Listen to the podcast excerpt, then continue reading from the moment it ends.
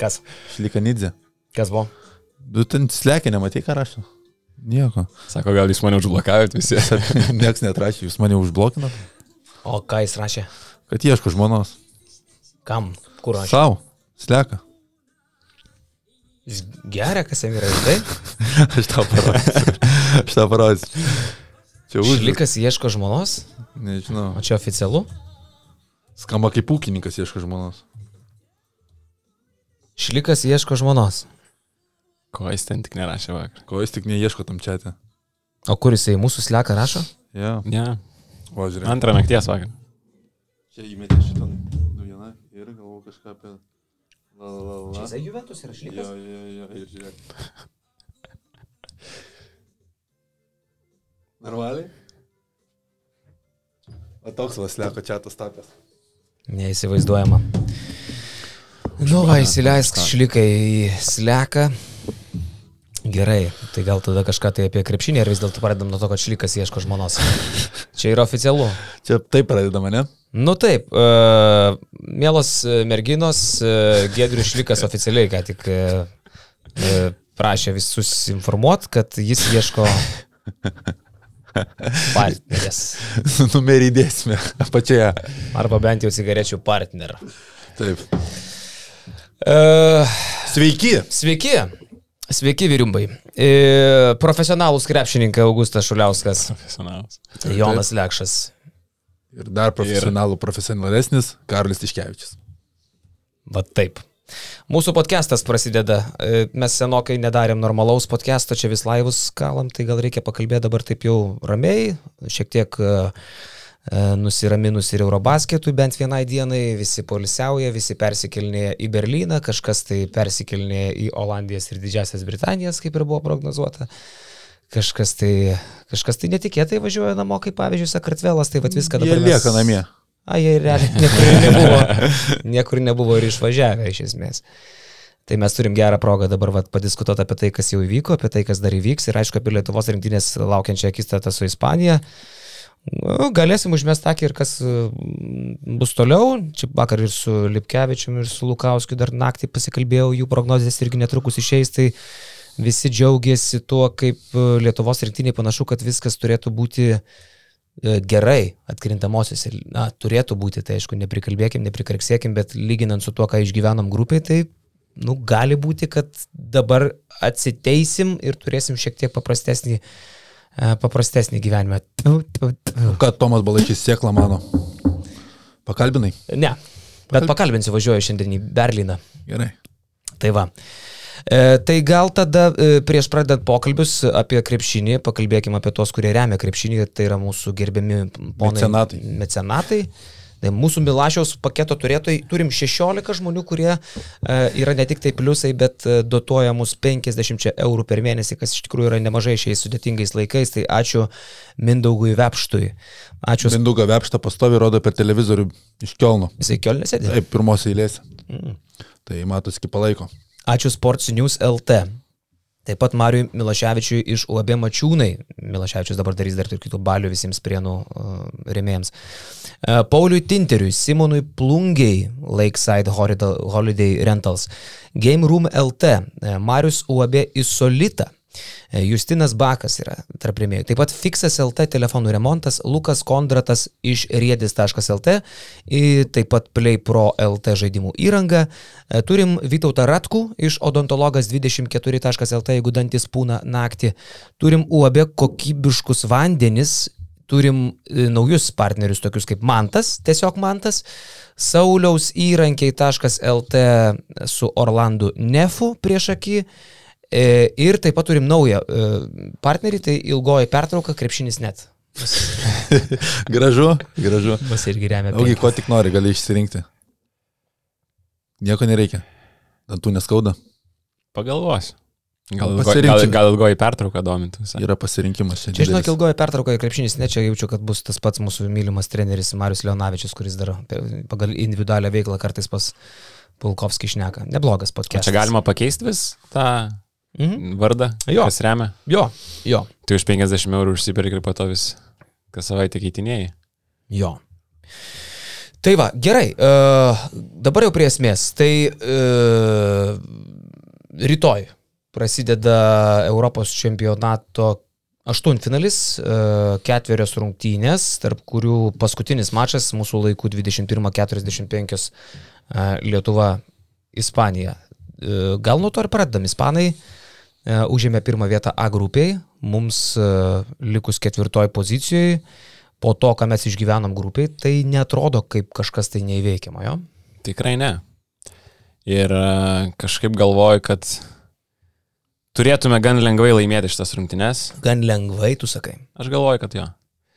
Sakau, didžiausias klaustukas mano nuomonė bus tiesiog psich psichologinis, nes talento prasme galvoju, kad mes smarkiai lenkiam Ispanų ekipą. Uh, ir pasinaudodamas progą pareklamuosiu savo straipsnį, kuris turėtų šiandien išeiti apie būtent Ispanų komandą.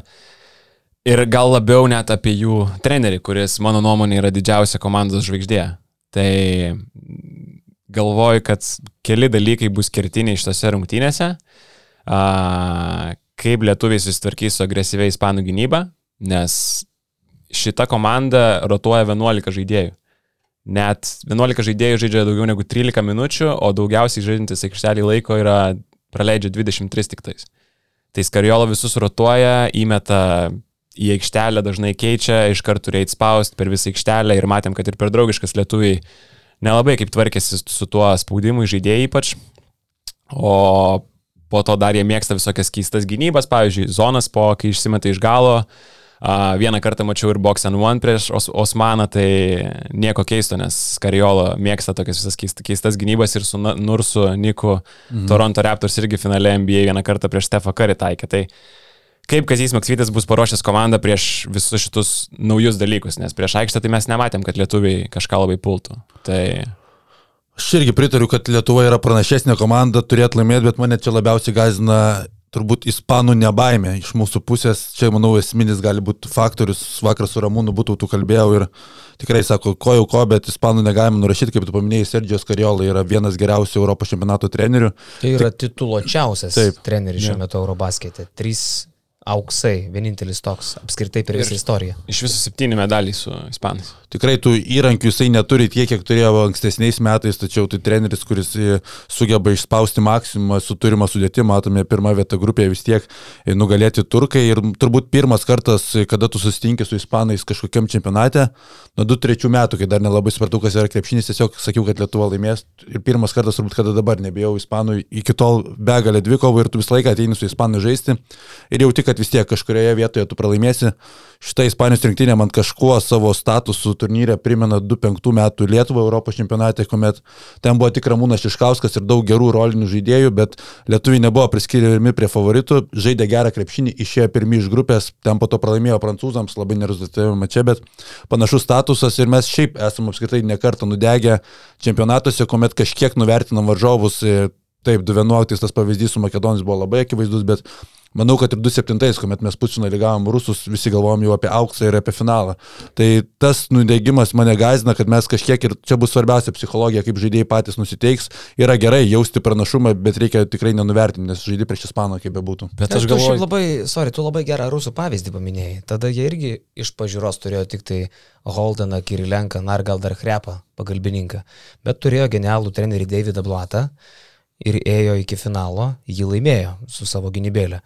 Ispanai turi genialų trenerį Sergijos Kariola, turi Lorenzo Brauną, kuris irgi mobilizuotas bus jau atkrintamosiams varžyboms, manau, kad irgi kitokį savo veidą rodys, ir turi NBA priekinę liniją su broliais Hernangomėsais. Tai negerbti Ispanų būtų absoliuti savižudybė. Kad ir kaip mes dabar čia savo keltume galvą save ramintume. Mane net šiek tiek neramina a, tokia Roko Jokubaičio ramybė. Prieš tai neramino jo neramybė, dabar neramina ramybė visi tokie pareiškimai, kaip kad dabar jau jūs turit mūsų bijoti ir tas toks šaltumas, jis gerai, bet jis nėra lietuviškas ir, ir jisai siutina varžovus. Ir jie girdimus. Tikrai pasiekė ispanus, aš taip, taip galvoju, taip, kad jisai taip. ir lietuviškai kalbėjo, bet ir aš mačiau jų Twitterį iš ispanų jau grupių metu, kai pradėjo lietuviai, supratom, kad ketvir, ketvirtoje vietoje liksim ir ispanai rašė, kad Va čia lietuviai vos nedžiaugiasi, kad atseit liks ketvirti ir patogesnį kelią savo gaus ir tipo ant ispanų šoka. Tai manau, kad jie irgi tai įvertins, bet aš negalvoju, kaip tu sakai, kad jie lietuviai, mes per daug čia save gerai dabar galvojam, neįvertinsim ispanų. Aš, aš kažkaip abejoju, kad galima Europos čempionato aštuntfinalyje pralaimėjus, patekus jį, pralaim, pralaimint tris varžybas, taip uh, ant to pasimauti. Nu, aš irgi tikiu, kad emocinė būsena mūsų yra geroje vietoje, mes esame savo vietoje, bet tie tokie pareiškimai drąsūs mane šiek tiek gazina, tas bendra nuomonė, gal ne iš pačių Lietuvos krepšininkų, iš pačių fanų lūkestis tas užkeltas, kad mes čia Ispanus lengvai praeisim, šiek tiek neramina, reikia pažiūrėti du mačiai draugiški, Ispanijoje ir Lietuvoje, abu kartus laimėjome, bet abu kartus laimėjome sunkiai, Vilniuje neturėjo jie Vili Hernangomeso, mes laimėjome per Igno Brasdeikio paskutinį metimą ir nėra taip, kad draugiškas rungtynėse kažkas tauposi, ten buvo žaidžiama dėl pergalės ir Ispanai turėjo savų argumentų, taip laimėjome, bet e, tai nebuvo toks užtikrintas laimėjimas, kad leistų man čia prieš aštuntfinalį sakyti, kad mes čia nupūsime tos ispanus. Tuo labiau, kad jie laimėjo, okei, okay, grupė A nebuvo stipri, bet jie ją laimėjo ir tą darė vidutiniškai 12 ir 60 taško skirtumų. Tai ja. jie, kitaip sakant, tą grupę laimėjo užtikrintai. Jie ne šiaip laimėjo, jie tą darė užtikrintai. Turkija pilnos sudėties, mes ten gyrėm jų starto penketą, štai NBA penketą su Larkinu prieš akį, kad ir kokia ta Larkino savijauta bebūtų. Bet tai yra bet kuriu atveju gera komanda ir jie tą komandą paėmė ir patėsi svarbiausiose grupės rungtynėse jiems. Nepagarba Ispanijai arba bent kažkoks pagalvojimas, kad mes esam labai geri, mums reikštų Europos čempionato pabaigą. Kas man dar patinka apie Ispanų, žiūrint į jų žaidimą, kantrus polimas labai. Jie neturi daug talento polime, ir kas Kariola yra įteigęs gal jiems tokias ilgas atakas, daug judėjimo be kamuolių, daug perdavimų, daug užtvarų. Ir jie žino, kad jie negali žaisti tokio laisvo krepšinio su daug 2 prieš 2, nes jie turi tik vienintelį Lorenzo Brauną, kuris gali kažką sukurti. Tai jie ieško klaidų, labai kantriai puola, kai jiems neišeina greit užpult. Ir kaip lietuviams seksis vat, prieš tokias ilgas atakas dengtis. Tai labai svarbu bus ir jie yra daugiausiai kamuolių polime atkovojanti komanda. 15 antrų šansų. Lietuviai yra antroje vietoje. Šiaip dar galima priminti, kaip uh, Viler Ena Gomezas uh, Ispanijoje dominavo prieš mūsų priekinę liniją. Mes tarsi džiaugiamės, kokią turim ne, neįtikėtiną priekinę liniją ir iš tikrųjų mūsų aukštaugiai gerai atrodė prieš Ispanus, bet Ernan Gomezas per Valančiūną ir per Domantą darė, ką norėjo, mes jo net nepristabdėm teisingai. Kai jis yra atsarginis Belikans komandai, JV, JV dubleris darė, ką norėjo, įmė kamuolius virš galvų ir visą kitką. Tai bus rimta. Ir Lorenzo Braunas, kiek prametė gerų metimų po driblingo tos, kuris praėjusią sezoną Eurolygoje mesdavo 80 procentų tikslumu, mes vėl prie dropo gynybos turėsime problemų su Lorenzo Braunu, jeigu aukščiau nepakils Jonas. Bet kad jisai kol kas šitam čempionate tų metimų nu, nesusimeta. Tai turi problemų su pečiu, no, tai čia yra tos e, priežastis, bet 46 procentų pataikymas iš toli, bet kokia atveju tai yra labai solidus gynėjas. Ne, jo, bet jis ten tų trajekų tai labai nedaug metė, aš mačiau gal, gal tik 13. 13, 13, jo, tai. Na. Jo, šiaip žiūrint į priekį, nu vėl, a, lai dabar užsikimšausis mūsų krepšininkai ir net nekreipi dėmesio į tai, ką aš dabar kalbėsiu, bet a, mes tarpusavį galim paplėtkinti, kaip gražiai galėtų susidėlioti Lietuvos rinktinės kelias netgi link finalo iš tikrųjų. E, na bent jau į pusfinalį tarsi atrodytų pagal ne tik tai mūsų, bet turbūt ir bet kokį bookmakerių prognozes, kelias yra praktiškai rezervuotas uh, Lietuvai. Turim dabar Ispaniją, na tikrai esam geresni ir tikrai turim laimėti. Vėliau turim Kroatijos ir Ispanijos rungtinių nugalėtoją. Suomijos, Kroatijos ir Suomijos. Sorry, Suomijos. Kroatijos ir Suomijos. Ketvirtfinalyje. Tai uh, E, na gerai, Kroatija, sakykime, bet tai irgi yra silpnesnė komanda e, potencialiai nei Lietuva.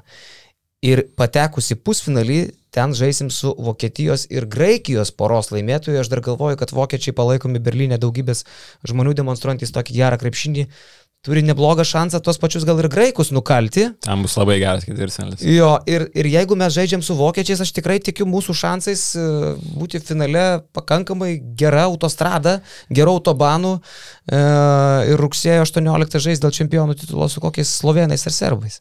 Nu, čia būtų kažkoks scenarius iš fantastikos ir ties po, po to, kai mes galvojam, kad neišeisim iš grupės.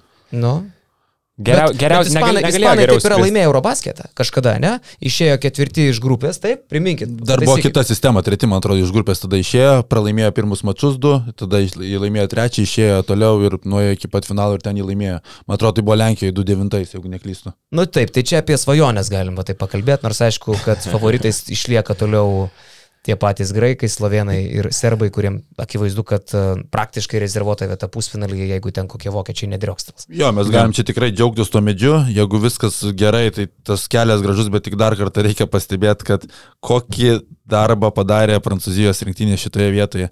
Ką jie gavo ir ką jie galėjo gauti, man yra tiesiog fantastika, kad jie neskaičiavo, nesirinko, sportas jį buvo aukščiau vis, visų kitų dalykų skaičiavimų. Dabar prancūzai gauna turkus, aštuntfinalį nelengvas varžovas, kaip pir, pirmas aštuntfinalio mačas, ketvirtfinalį Serbija.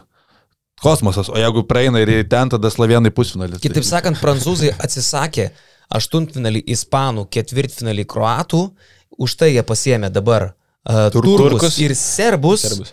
Vien todėl, kad yra karinga, išdidi, ori krepšinio tauta. Tai ir šiaip tauta. Tai čia yra Absoliuti pagarba. Absoliuti pagarba. Vėl grįžtu prie to, ką jau esu pasakęs mūsų live podcast'e. Dėkui Dievui, kad mūsų likimas sprendė ne sukčiai graikai, kur amžinai tą patį daro ir skaičiuoja. Serbai. Ne kokie nors serbai. Ir nedaug dievė, kad nėra čempionate rusų, kurie, tarkim, dar tokius žaidimus turėtų progą pažaisti.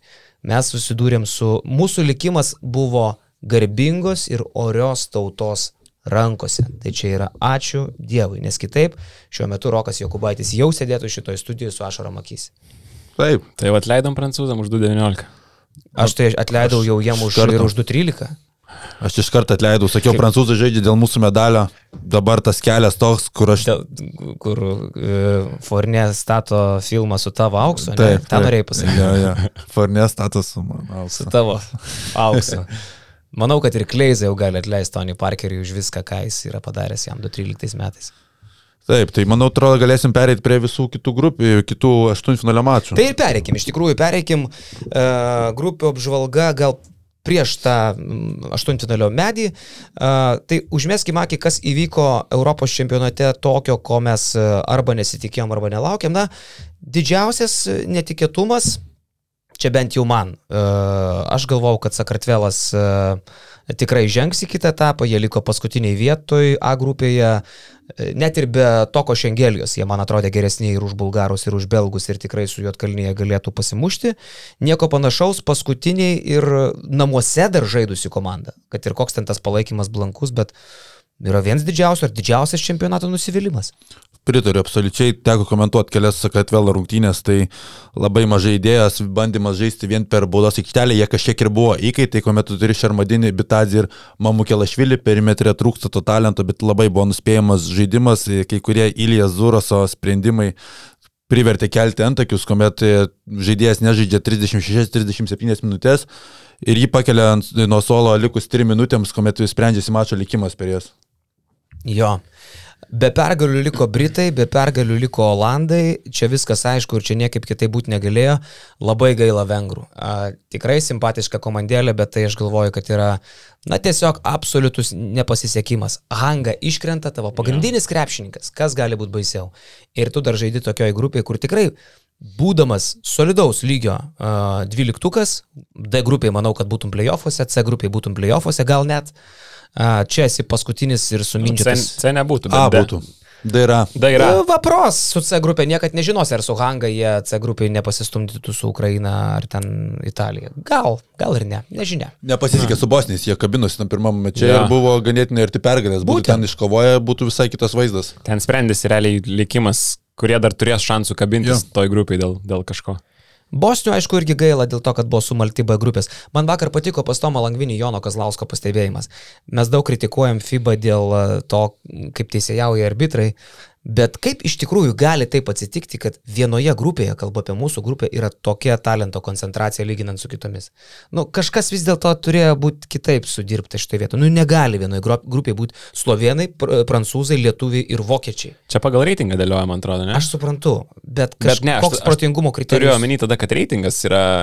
Čia pagal krepšelius dėlioja. Krepšeliai buvo sudėlioti. Nu. Bet krepšeliai buvo sudėlioti pagal reitingą. Ir buvo rinktinės rinkos federacijos, kurioje, kurioje šalyje nori žaisti Lietuvą Lietuva, man atrodo, buvo su Vokietija iš karto suvestus. Kadangi... Vokiečiai pasirinko lietuvis, kad galėtų. Absoliučiai, ta prasme, kitos, dabar va taip ir išsikreipė tas atkrintamųjų medis, kai vienoje grupėje, vienoje pusėje A ir B buvo tiek talento, nu, ja. B tiksliau. Kitoj pusėje CRD jo nėra. Ir pavyzdžiui, lietuvių dabar kelionė atkrintamosiose, iš- išėjus ketvirtoj vietoj, atrodo paprastesnė negu prancūzų išėjus trečioj vietoj. Nu tai yra anomalija.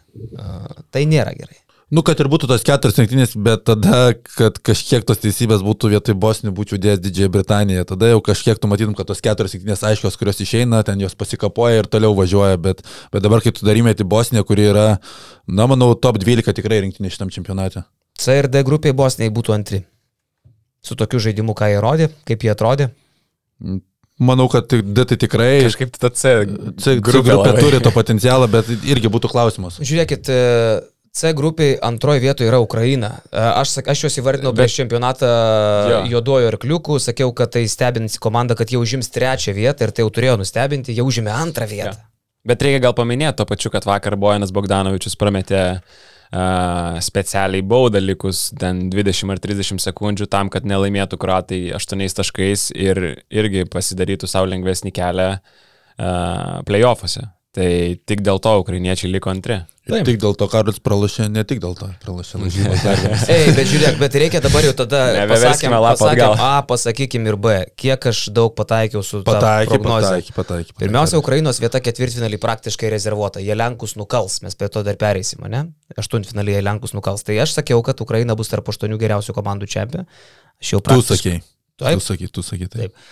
Paskui aš dar prie tų teiginių sakiau, kad Markarinas nebus rezultatyviausias čempio žaidėjas, kai jūsų Miklovų klikėt, kad bus Ar aš klikiau? klikiai. Tai prognozija rašiai. Ne. Grupio žaidėjas rezultatyviausias bus Markarinas. Man atrodo, sakiau ne. Sakei, tai Nes mes iškart sakom Miklavui, kad tu pasidarėjai nuosprendį. atsivers BN plus 363. Pasižiūrėk, įsirašiai. Tai 363 po to pakeičiau nuomonę, bet... Ai, tai dar ir nuomonę Čia pakeitei. podcast. Lečiai tau garbės nedaro nei vienas, nei kitas faktai. Nepradėk, tu jam atsivertys į straipsnį skaityti. Atsiverčiau. Gerai, Ir- pralašyva. Pripažįstam ir šitą faktą. Prieš tavo visą tą gražų nutiesimą. Pralaštas lažybos, pralaštas Tai lažybos. pralaštas. Nu tai gerai, aš tai jau pralašiau, kad, Tai kiek jau yra? kad Ukraina Keturi. Kroatus nugalės. Jo. Ir dar vat vakar skaičiau, kur labai ten genialiai kažką apžvelgiau 363 tam straipsnį. Dabar pamiršau, bet irgi pataikiau. Šaunuolis. Ačiū. Nu, o kas jūs labiausiai grupė etapė nustebino, kas atsiminimas, koks didžiausias highlightas iš grupė etapo? Bet aš manau, kad čia teisėjus reikia palikti čionę, čia jų Luka. Dončič ir didžiausias highlightas metimas per Goberą vieną ranką iš, iš trajako krentant į užrybį. Manau, kad jo. Jeigu jau taip apie vieną momentą kalbam. 40 metų laikėsi Niko Galio 46 taškų riba. 40 metų tai atrodė neperžengiama ir neįmanoma įveikti. Luka Dončič e, rungtynėse su Prancūzija galėjo sumesti ir 60 turbūt, jeigu būtų labai norėjęs. Jeigu būtų pratesimas, manau, kad būtų Ne. ir sumetęs. Man tai jokingiausia, kai prancūzai pradėjo dvigubinti Dončičių tik tada, kai jis turėjo 37 taškus. Tai tu klausai per live podcast, ar Kazys ne per vėlai padarė pakeitimus po, po pirmo kėlinio padaręs. Tai prancūzam reikėjo 37 taškų ir 35 minučių, kad pradėtų dvigubinti Dončičių. Kosmosas. Tai Absoliučiai man kosmosas yra tas, kad mes, e, kad ir kokios nekokybės matome teisėjame, bet mes galime mėgautis turbūt geriausių Eurobasketų šiame tūkstantmetyje tikrai. Nebuvo niekada tokios trijulės e, Dončičiaus, Janio ir Jokičiaus. Jie yra absoliutus pasaulio elitas su visa didelė pagarba Novickiui, Gazoliui ir Tony Parkeriui kartoju ir kartosiu, bet čia tai, ką mes matome, yra kitas lygis. Jiems nereikia net žaisti tarpusavį, kad mes matytume kiekviename mače jų netiesioginės varžytuvės. Man čia yra pasaka krepšinio.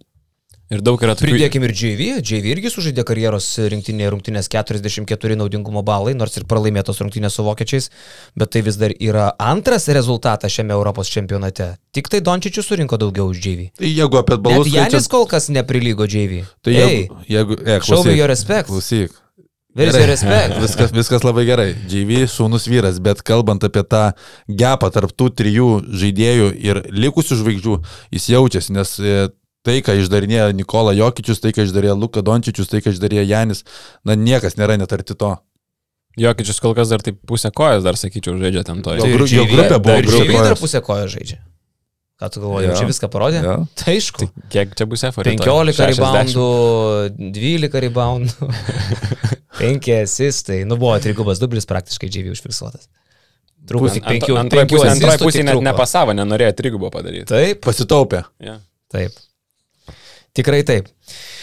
E, tai e, pažiūrim dabar gal į pagrindinį dalyką, kuris mus labiausiai domina ir pakalbam. E, visos a, aštuonios poros aštuntfinalėje. Gerai, tai jaučiu nuo medžio viršaus galime pradėti. Vokietija su Jotkalnyje viršuje, tai Man Jotkalnyje paliko ganėtinai simpatiškos komandos vaizdą, bet vokiečiai grupėje įrodė, kad tai komanda kovojanti dėl medalių, ne dėl kovojanti, ne dėl patekimo į kitą etapą iš mirtininkų grupės. Ir čia yra pagrindinis skirtumas. Negalvoju, kad vokiečiai labai sutriuškins Jotkalnyje, bet praktiškai kiekvienoje pozicijoje jie turi pranašumą. Galbūt tik Bojanas Dublevičius galės ten varžovų priekinę liniją pastumdyti. Geras žaidėjas po krepšių ir matėme, kad vokiečiai susiduria su problemomis, kuomet susitinka su stipria priekinė linija, bet, bet apskritai manau, kad vokiečiai čia be didesnio vargo žengs ketvirtfinalį. Čia turbūt net nėra ką labai įsiplėsti ir nėra ką uh, ginčytis toliau. Graikija, Čekija. Janis kol kas dominuoja visiškai, tai čia irgi dar viena pora, kurioje nematau didelės intrigos, net ir su grįžus Satoranskiu, jis žaidė pirmose rungtynėse grupės, bet po to dvi rungtynės praleido, matyt, dar nebuvo pilnai išsigydęs savo traumus, be ir jisai gal 10 asistų, man atrodo, 9 asistų vidurkį turi per rungtynės, bet kol kas labai prastai pataiko. Uh, prastai pataiko ir Janis, bet jisai su 17 procentų tritaškių pataikymu kol kas rezultatyviausias žaidėjas čempionate 29,5 taško ir Antžmogis tiesiog. Nežinau, nežinau, ką čekai gali labai sugalvoti šiose rungtynėse prieš jį, nors ir reiktų prisiminti, kad paskutinį kartą, kai Janis žaidė su graikais, tai buvo 2019 metai. Būtent, man atrodo, rungtynė su čekais uh, jį išmetė iš uh, grupio etapų. Jeigu čekai turėtų Satoranskį, tai aš apskritai sakyčiau, kad čia bus labai intriguojanti kova, nes čekai šiaip yra brandi krepšinio rinktinė, brandi daug metų. Jie kartu. turės Satoranskį. Jis jau žaidė dvi rungtynės. Jis ir ištempė į playoffus. Bet ar jis turės gerą sportinę formą Satoranskį? Labai gerai atrodė. Pirmus mačius matėsi taupėsi, nu, dabar paskutinė mačia. Tai jeigu jie turės Satoranskį tokį, tai tada, tada šiaip aš čekų tikrai nenurašau. Uh, šita komanda daug kartų drioksteldavo, net ir prieš favoritus. Pagrindinė intriga yra tai Janio būklė. Jisai vakar dienos rungtynėse paliko aikštę anksčiau laiko, šlupčiodamas išėjo ir nors ir Dimitris Etudis ramina, kad viskas yra gerai, bet tas šlupčiodamas labai akivaizdus buvo, tai neaišku, kaip, kaip jis ten atrodys. Aš galvoju, kad jisai neturės didelės įtakos jo, jo žaidimui. Na, nu, bet aišku, visi prognozuojam graikam pergalę ir graikai ketvirtfinalyje. Ja. Ispanija, Lietuva jau apkalbėta, e, neįsiplėskim, Lietu, Lietuva turi būti ketvirtfinaliai, tai net nėra kažkoks tai mūsų subjektivumas, mes turbūt būdami net ir Lenkai kokie prognozuotume, jog ten laimės Lietuva ir turbūt vieningai prognozuotume. Gal ne taip užtikrintai, bet galvoju vis tiek favoritai lietuviai yra. Suomija, Kroatija, čia potencialus lietuvių varžovai ketvirtfinalį ir aš manau, kad būsiu kitoks negu jūs sakysite. Aš manau, kad Suomija pateks į ketvirtfinalį. Turiu tris argumentus. Pirmas dalykas, Kroatai buvo vieninteliai, kurie skaičiavo šitam čempionatui ir rinkosi varžovą. Dažniausiai tokiais atvejais. Karma parodo savo veidą. Kitas dalykas, reikia paminėti, kokie yra nesėkmingi kruatai nuo 95 metų Europos čempionatuose, pati nesėkmingiausia turbūt rinktinė istorijoje pagal surinktą potencialą ir nesėkmės nuolat atkrintamųjų pradžioje. O kodėl mes sakom nuo 95? Tengi Jugoslavija buvo. Mhm. Mes visą laiką sakom nuo 95 metų, bet Lietuva su Jugoslavija žaidė tam, tam čempionato finale. Jiem nesiseka nuo 92 metų, kai jie žaidė olimpinių žaidinių finale su Amerika, taip reikėtų turbūt sakyti. Nu, ok, ok. Ten dar Dražan Petrovič, man atrodo, buvo 92. Mhm. Su Balamutinai čia lėkščiai. Jo, jo, nes aš pats visą laiką savo sakau 95, bet pagavau save, kad jiem nesiseka ne, jau lygiai 30 metų. Jo, ir kitas dalykas, man nepalieka didelio įspūdžio jų žaidimas. Rotuoja 6-7 žaidėjais, Sai, jeigu pora žaidėjų nepaeina, jie yra polimo komanda, labai priklausomi nuo savo polimo, gynyba ten labai skilėta. Tai galvoju, kad Suomija turės savo argumentų, bėgant į priekį komandą ir Lauri Markanas dar pakels savo žaidimą į kitą lygį. Nebus labai lengvas mečapas prieš Darijo Šaričių, bet aš manau, kad čia Suomija pateiks tą staigmeną, kurios nelabai yra tikimasi. Aš galvoju, kad tai irgi bus vienas iš įdomiausių aštuntfinalio ir Suomija šiaip žaidžia labai tokį, sakyčiau, akiai malonų krepšinį. Daug bėga į greitą polimą, daug vienas prieš vieną žaidžia, daug kas straikus gali pataikyti. Salinas išmeta po 6,5 tritaškio, gali bet kuriuose rungtynėse, gali vienas rungtynės nei vieno neįmės, kitose rungtynėse 7 pataikyti, jis kol kas 47 procentais atakuoja iš toli. Tai kruatai visiškai neįtikino ir e, Hezonė netrodo labai toksai, Hezonė atrodo abejingas kruat, kruatijos rinktinės žaidimui, sakyčiau gal taip. Tai ačiū Dievui, kad yra Krūnas Simonas, kuris atrodo atsigavęs po labai nesėkmingo sezono ir jis vakar, kiek žiūrėjau rungtynės, tai buvo net vienas iš pagrindinių tokių ball handlerių ket, ketvirtajame kelnie, kas man buvo gan keista. Tai aš sutikčiau su Lekšu, kad čia gali būti. Tai bet tu prognozuoji Suomiam pergalę? Ne, aš, aš prognozuoju čia labai geras rungtynės ir pergalę kruatam, bet uh, ne tokia lengva, kaip galbūt galima būtų įsivaizduoti. Dabar, žinai, pasižiūrėjau 95 Eurobasketą, tai čia tas atvejis, kai jie neužlipo ant podimo, užėmė trečią vietą, mhm. bet protestuodami nebeužlipo ir po to daugiau niekada nelipa. Nes Jugoslavija taip žaidė, Tiesa, bet Kro Kroatija atskirai. Tai jie tada iškovojo medalius, bet ant podimo neužlipo ir dėl to ir sakoma, kad nuo to laiko dėl to ir nebelipa. 95, tarp kitko, ir Lietuva galvoja nelipti ant podimo, bet, bet kažkaip tai garbingai užlipo galiausiai. Taip. O ką tu prognozuoji, Karli? Kruatam. Kroatus. Aišku, kad kruatam, nors vėl sutinku, kad Suomija kaip ir Čekija yra tos neseksy krepšinio valstybės, kuri neskamba, kad ja. čia kažką gali, bet šiaip visada ypatingai, kai surenka geriausius žaidėjus, atrodo pakankamai neblogai. Galim prisiminti Suomiją ir be Markanino, dar tokio kaip po Markanino nebuvo. Kopaninas pastoviai turėdavo visokius jo kop, kopaninus jaunesnį saliną, tą patį buvusį lietkabelio žaidėją, kaip jisai, amerikoniukas. Džemaras Vilsonas. Džemar, Vilsonas, jo. kur nuo širdžies minutės duoda. Jo, jo. Širdės. Jie, jie prie Motolos ir Ranikų buvo šūdas, bet paskui buvo tikrai solidus ja. laikai ir solidžiai žaisdavo. E, ir dabar tie laikai panašus, aš galvoju, kad čia yra gerbtina rinktinė, tuo labiau, kad prieš juos yra sukčiai kruatai. E, žiūrim toliau. Slovenija, Belgija, tai čia, man atrodo, daug išsiplėsti nereikia. Seniai, belgui. Belgui mišęs. Aš tai, aš tai galvoju, kad vat, jie galėtų kreiptis į mano kunigą Juozą Fakėjevą į Zapiškio parapiją ir tiesiog uh, užsipirkti mišes. Nes... Laimės Lukadončius vienas prieš belgus.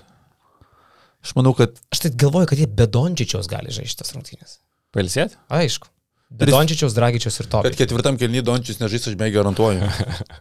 Po trijų kelnių bus aišku. Plius 25 ir ketvirtą kelnį koja ant koja sėdės. sėdės Žiūrėk, sėdės. Geriau įjungiam counterį, kreipiuosi į mūsų pliusus. Padarykit counterį rungtynių metu, kiek kartų Dončičius šypsosis arba žvengs. Aš galvoju, kad 12. Mano prognozija. 12 kartų plati šypsena, neironiška. Arba, kameras arba nuoširdus. Kameras parodys. Jo. Okay. Tarsi bet kokia šypsena tinka. Nu, tai va. 12 tokių. Jis po kiekvieną, jis po kiekvieną šilbuką taip daro. Gerai, 14 tokių. Over. Over? Mm. Jis, jis literaliai po, kiekvieno, po kiekvienos atakos jisai skiešia rankom ir... Aš manau, kad tiesiog bus visą mačą viena didelė šypsena, nesibaigianti tokia, visą mačą. Plius 40, kokias prognozijas? ne, ne. Bel... gal nebus, ne. čia jau belgas tada. Kai mo moškė. Sušluotas, sušluotas, žinai, kaip svipina. Šiaip teisybės dėlį reikia pasakyti, kad belgai labai gerai žaidžianti gerą krepšinį, propaguojanti komandą, labai tvarkinga, bet tiesiog talento nu, labai skiriasi lygis su slovenais. Tai gaila jų, nes šiaip jie grupiai, aš nesitikėjau, kad jie išeis iš tos grupės ir mane nustebino ketvirtą vietą užimdami. Antro kelnio vidury jau Ismailiui Bako bus nudžiūvusios ašaros, aš taip galiu pasakyti. Nudžiūvusios. Jau, ne, žinai, išsiverkė per pirmą kelnio, paskui jau tiesiog sėdi, žinai, kaip. 15-5 mačas prasideda, tai belgas tai jau 18, 18 val. baigsis. Bet tuo pačiu metu, man atrodo, per, per LRT rodo senį, tai rekomenduoju geriau žiūrėti jį.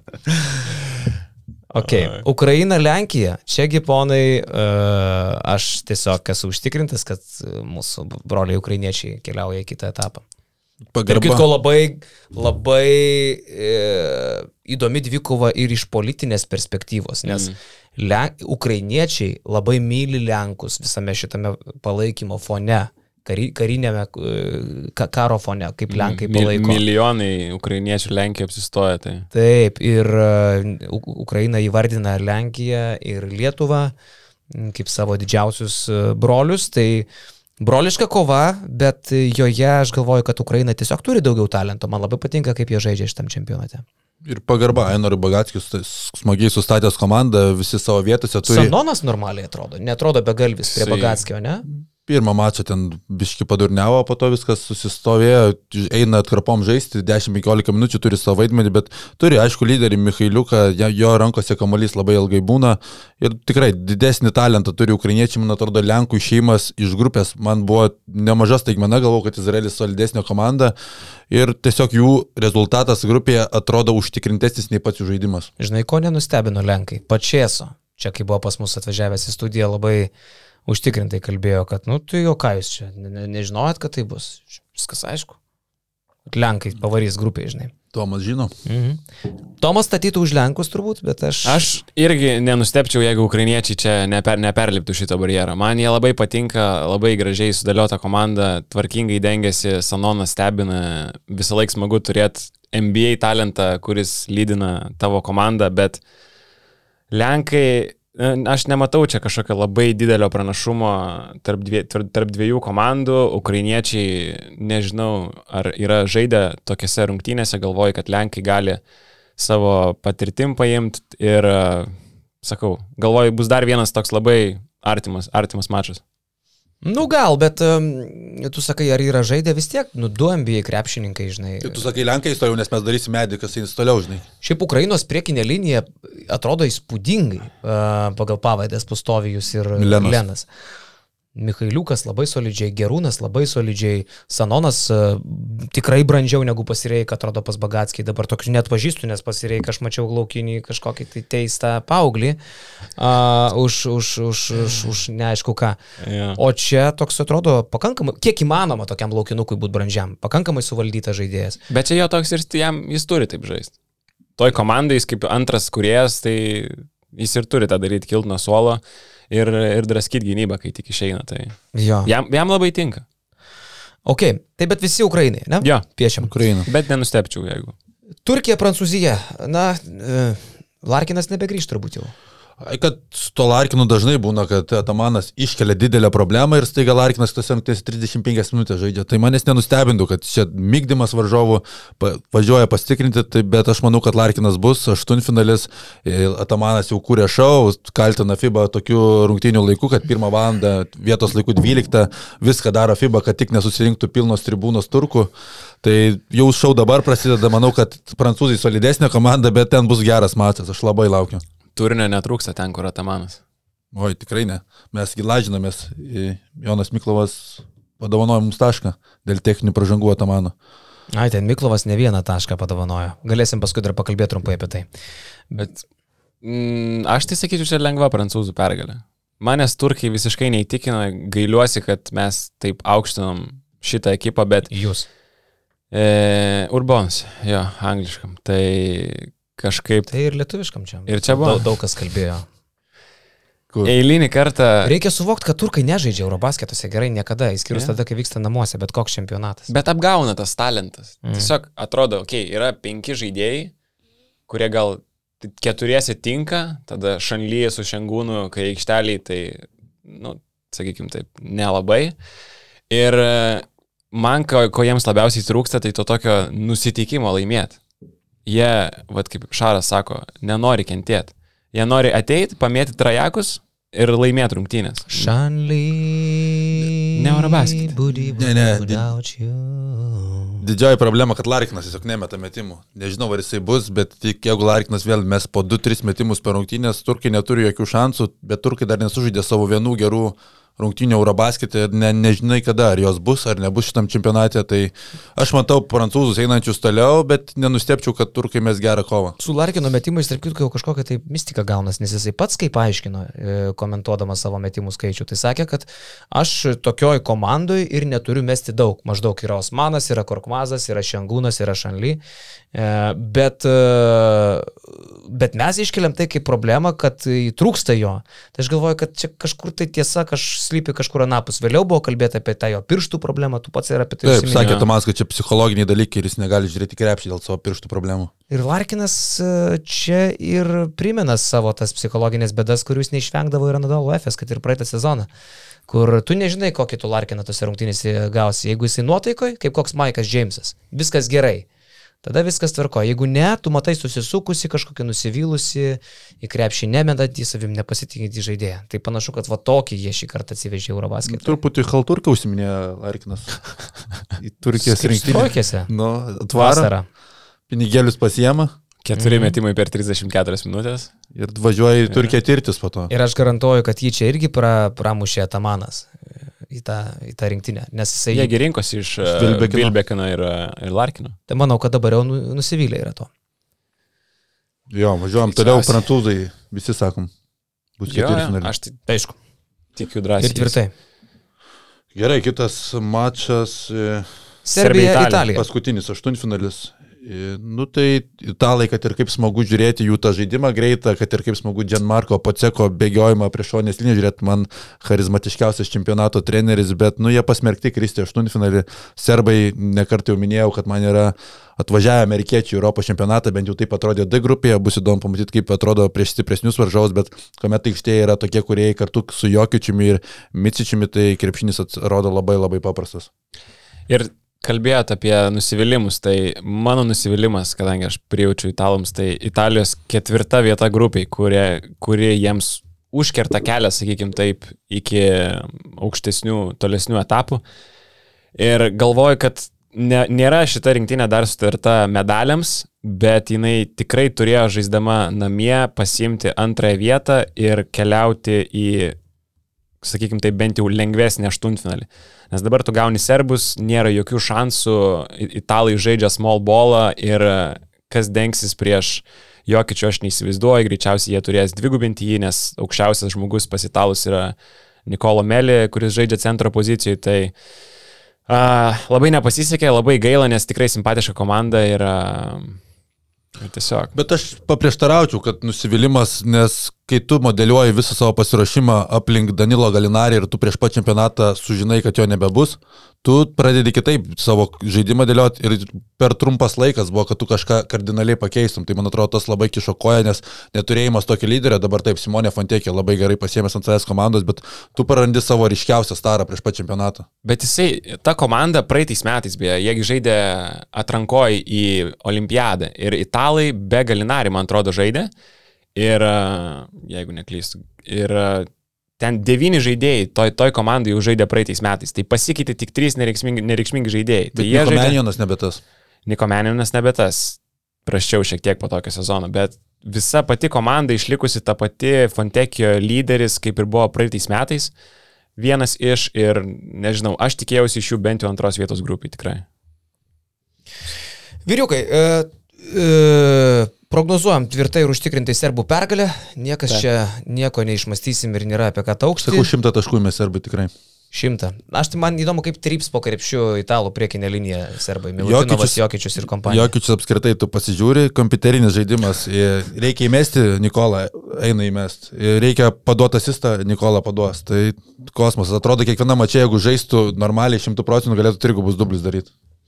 Jo, o prieš perinant prie ketvirtfinalio, ten e, dar greitesnės prognozės, manau, kad bus dar įdomiau, nes jau tokios kovos kaip Vokietija, Graikija prasidės. E, Aš noriu pristatyti mūsų šio podcast'o partnerį ir mūsų partneriai, mūsų bičiuliai kyla iki tokio aukštumų, kad dabar mūsų jau net pristato bankai ar finansų partneriai ir šiandien nes e, kviečiu paploti, mus pristato Lietuvos kredito, kredito unijų grupė e, finansų partneris. E, Lietuvos kreditų, kredito unijų grupė e, vienyje unijas, kurios e, išskirtinai lietuviškos finansų įstaigos veikiančios jau 25 metus. E, Iš regionų, iš mažesnių miestelių bankai traukiasi, ten kredito unijos e, ypač aktualu visose ir didžiuosiuose, ir mažosiuose miestuose veikia. Dėl ko Lietuvos kredito unijų grupė galėtų būti patrauklu, tai pirmiausiai remia ir teikia paskolas tiek e, dideliam verslui, tiek mažam versliukui, kadangi tai yra netokia, ne, ne toks didelis bankas ar, ar finansų partneris kaip kad didieji Lietuvos bankai, tai lengvesnis prieimas, greitesnė paskola, didesnis dėmesys e, mažesniems e, paskolos gavėjams.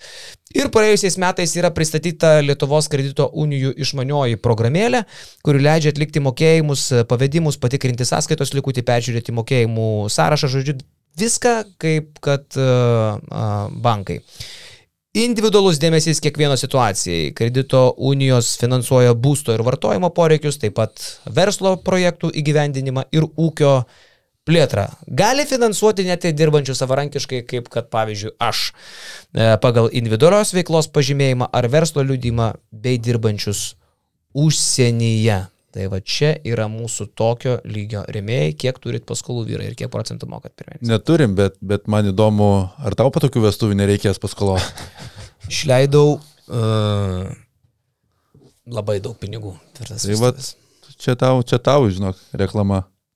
Bet šiaip nemažai ir į vokus sudėjot, tai ačiū labai. Ir už ką? Tu įdėjai 300 eurų, man atrodo. Ne? Tu viską atsimeni, pasižiūrėjai.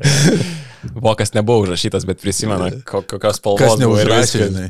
Taip, taip. Bet tai 24 gabalus kainavo. Bet įspūdingos vestuvės, tai, tu prasme, žvagulis atvažiuoja, žvagulis. O ten žvagulis. Tai Dinamika. Anatolijus. Prasideda Antoškė. kelias iš žvaigždės at visą komandą. Dar Valinsko trūksta, tik tais režisuojant už viską. Va, žiūrėk, dar kas siūlo kredito uniją. Taupyti. Sudarius indėlio sutartį, ypač palankomis sąlygomis. E, tai kai kurios unijos jau siūlo 3 ir daugiau procentų už terminuotą indėlį.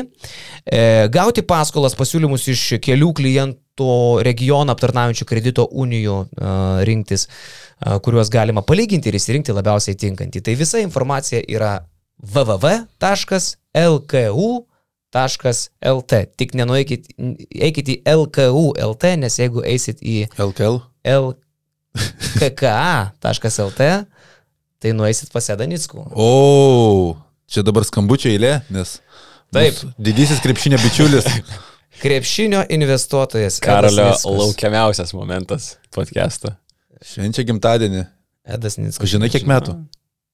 Taip, Neišduosi? palaikyk. Iškitelė, pažiūrėsiu, kad kiek metų. Palaikyk. Skambiname Edui Nickui, kuris švenčia gimtadienį. Žmogus išrado krepšinį. Klausau, karo. Sveiki, treneri. Labas, bičiuli, labas. Su gimimo O diena, diena, su gimimo diena, su gimimo, su gimimo, su gimimo diena. Ačiū. Klausyk, tave taip pat noriu pasveikinti su vestuvėmis. Bandžiau skambinti iš Vokietijos, man buvai skambinęs, paskui niekaip neprisiskambinau. Viskas gerai, treneri. Tai mes dabar podcast'e labai neišsikalbėkim į, į vestuvės. Tai labai už skambutį, sveikinimus, ačiū, Karoli. Prašau, treneri, sveikatos jums kibirais. Iki, iki, ačiū. Iki bičiulių. Bičiulis vis tiek buvo paminėtas iš Edo pirmojo. Tai aiškus. E, taip, o dabar esmė. Ketvirtfinalis. Ketvirtfinalis. Vokietija, Graikija. Įdom, nuo įdomiausio praktiškai pradedam. Aišku, čia bus tų įdomių parų. Vokietija, Graikija, bet mes kalbam, kad Vokietija kovoja dėl medalių, bet aš prieš pirmenybės graikus dėjau apskritai kaip e, nugalėtojus. Dabar mano to nuomonė yra pasikeitus, bet aš manau, kad graikai žais pusfinalyje. Nors prieš čempionatą Janis Antitakum pasakė, kad mūsų tikslas yra patekti ketvirtfinalį. Man čia skambėjo kaip absoliutinė sąmonė, kai tu turi geriausią komandoje žaidėją ir tavo treneris yra turbūt geriausias čempionate. Aš matau graikus pusfinalį nugalinčius vokiečius, kad ir kaip jie palieka simpatiškos komandos. Gal net vaizdą. du geriausius žaidėjus turi. Ir Kelatį, ir Sluką. Taip. Nusiminėjo spaudimą, aš galvoju. Nu, numinėjo jį komandos draugams. Su to, su to Šiaip tai, nu, šiaip tai nuostabus komandos draugas Janis Antetokumpo yra. Čia vyko už vakar rungtynės Milano Inter prieš Müncheno Bayerną čempionų lygoje. Visa, koma, visa komanda nusivedė pažiūrėti futbolą ir, ir savo Instagramo story kiekvieną žaidėją paminėdamas atskirai apie jį kelia ir filmuoja juos tagina, duoda dar jiems dėmesio, visi atrodo puikiai jaučiasi, bet Janis Antetokumpo tikras lyderis ir už aikštelės ribų. Tokią savybę turi, tarp kitko, broliai Lavrinovičiai, abudu. E, Aš galvoju, kad čia neįvertinta labiausiai jų savybė. Kad jie faini mėly jo, bet jie visada kitą žmogų, kompanijui, komandai, bet kokį žmogų padarys svarbesniu už save, geresniu už save. Tu tą moki, oi kaip tu, nu tai tu gerai ten. Turi, turi broliai. O, tu talentingas, e, pas juos niekada nebus e, kitas Aš. Žemiau. Visi ja. žmonės aukščiau už tave. Ir visi svarbus, visi pagirti. Tai čia, čia labai brangų komanda yra, jeigu Janis tokias savybės turi. Mm. Ką prognozuojam, vokiečiai graikai? Graikus prognozuoja. Nors, ten, sakau, aš gal net norėčiau, kad tas tokios pelenės istorijos iš vokiečių pusės. Nes vienas iš geriausių šansų matyti jiem laimėti medalius. Ir Francas Wagneris įrodinėja toliau visiems ir man, kad jis yra aukščiausio lygio žaidėjas jau dabar, o ne bus po kelių metų. Jam prieš savaitę su jo 21 metai. Fransui Vagneriui prieš yeah. savaitę 21, jis 15 taškų vidurkį turėjo Orlandė, Lietuvai, Lietuvai suš, sušėrė 32. Čia 16 taškų metų Eurobasketė. Tai Čia labai daug dedu ant Dimitrai Tūdžio, manau, kad jisai puikiai žino, kaip laimėti prieš komandas, kurios turi nemetantį žaidėją. Nikas Kalatis, man atrodo, uždarys Denisą Šrioderį, didelis bus rizikos prie čia. Kalatis apskritai yra vienas geriausiai besiginančių žaidėjų. Pats Itūdis turi nemetantį žaidėją, bet jisai labai gerai moka žaisti prieš komandas, kurios turi nemetantį žaidėją. Ir graikai kol kas šiaip labai gerai pataiko tritaškius, kas labai svarbu žaidžiant su Janiu. Išskyrus Janis. Išskyrus Janį, jo. Bet, nu, įsivaizduokim, jeigu Janis pradės pataikyti, nes pasirašyme 41 procentų metę, ne 16 kaip dabar. Tyleris Dorsi atrodo kaip nuostabus e, ir Mavericks, ir Graikijos papildymas ir pataiko labai sunkius metimus, galbūt kai Janis kažko nesukuria aikšteliai, po driblingo, krisdamas, provokuodamas baudas, viską daro. Tai galvoju, kad ne tik nuo Janio priklausys, kiek toli graikai šitam čempionate, bet labai daug ir nuo jo uh, supporting castų. Tai Dorsi, uh, Kalatėsas, Lukas ir, ir, ir kiti žaidėjai. Bet turi savo argumentų vokiečiai. Mao Dolo yra nuostabus ir tokio pasitikėjimo savimi net Eurolygo turbūt nedemonstravo. Man vis dar stovi akise jo ataka prieš prancūzus, greita kontrataka, kai jis išeina į smaigalį su Denisu Šrioderiu. Ir prieš atlikdamas perdavimą, ten buvo svarbios minutės, ketvirtas kelinys. Jis dar kamuliuką taip žavingai per save persimeta, žaisdamas žiūrovams. Va toks vokiečių lyderio pasitikėjimas savimi, na vieno iš lyderių. Vieno čia. Ir tada atiduoda pasą Denisui Šrederiui, kuris ten pelno du taškus. Uh, Nilsas Gifajus yra vienas iš tų, kuris rinktinėje tampa geresnių krepšininkų. Atrodo, kad kitas žaidėjas. Taisas ir jo pikiampopai, tie trajekėliai atrodo visai simpatiškai. Foytmanas galvoju, dar nesužaidė savo rungtinių šitam čempionate. Fransas Wagneris yra puikus krepšininkas. Denisas Šrioderis kol kas labai daug nuo jo priklausys. Jeigu bus Šrioderio diena, uh, talento jis turi per akis, polimo talento jis turi labai daug. Jisai gali su ta Berlyno publika, su 15 tūkstančių minė, aš galvoju, kad net ir neutralus pereis ant vokiečių, nes visi kažkaip mėgsta tuos uh, underdogs. Underdogus. Jo. Tačiau labai įdomi palaikymo kultūra vokiečių. Ir bus sunku, bus sunku. Jo, bus sunku. Labai noriu, kad vokiečiai laimėtų ir aš čia prognozuoju Vokietijos rinktinį pergalę. O, Okay. Pirmasis. Mes pirmas su graikais. Jo, aš graikus. Toliau važiuojam į Lietuva, Lietuvą. Lietuva, Suomija mano atveju. Tai, nu, aš, aš matau Lietuvą pusfinalį. Čia prieš Suomius daug komentarų nereikia, ar tai būtų Kroatai, ar tai Suomija. Manau, kad lietuviams sunkesnis varžovas yra aštuntfinalio. Ketvirtfinalį lietuviai turėtų tvarkingiau susitvarkyti. Taip, pritariu. Aš irgi. Manau, kad Lietuvos komandai yra lengvas e, kelelis į pusfinalį. Staltėse ta kelias. Slovenija, Ukraina. Nu taip, tai ukrainiečių laukia tas pats, kas e, belgų. Tai slovenų kelias iki pusfinalio apskritai niekinis. Bet jie jau užsidirbo irgi. Iškovodami pirmą vietą. Prieš prancūzus ta pergalė tokia. Taip, Ten, taip. kur kolė vos neužmušė teisėją. Ką kolė ten padarė, dar, dar galim priminti, parodyti tą patį jo, vaizdelį. Man Justė sako, kad ten netyčia, bet tokiame greitai tipo nepagautų. Taip. Mm. Ir tada po to Tai ir toks įspūdis, kad kolė dar taip truputėlį į jį įrėjo. Prismaugė. Tarsi ir prismaug žmogų, čia galima taip realiai. Nu, nėra. aš, aš mačiau tą vaizdą. Ja, ja. Šaras. kaip parodyti.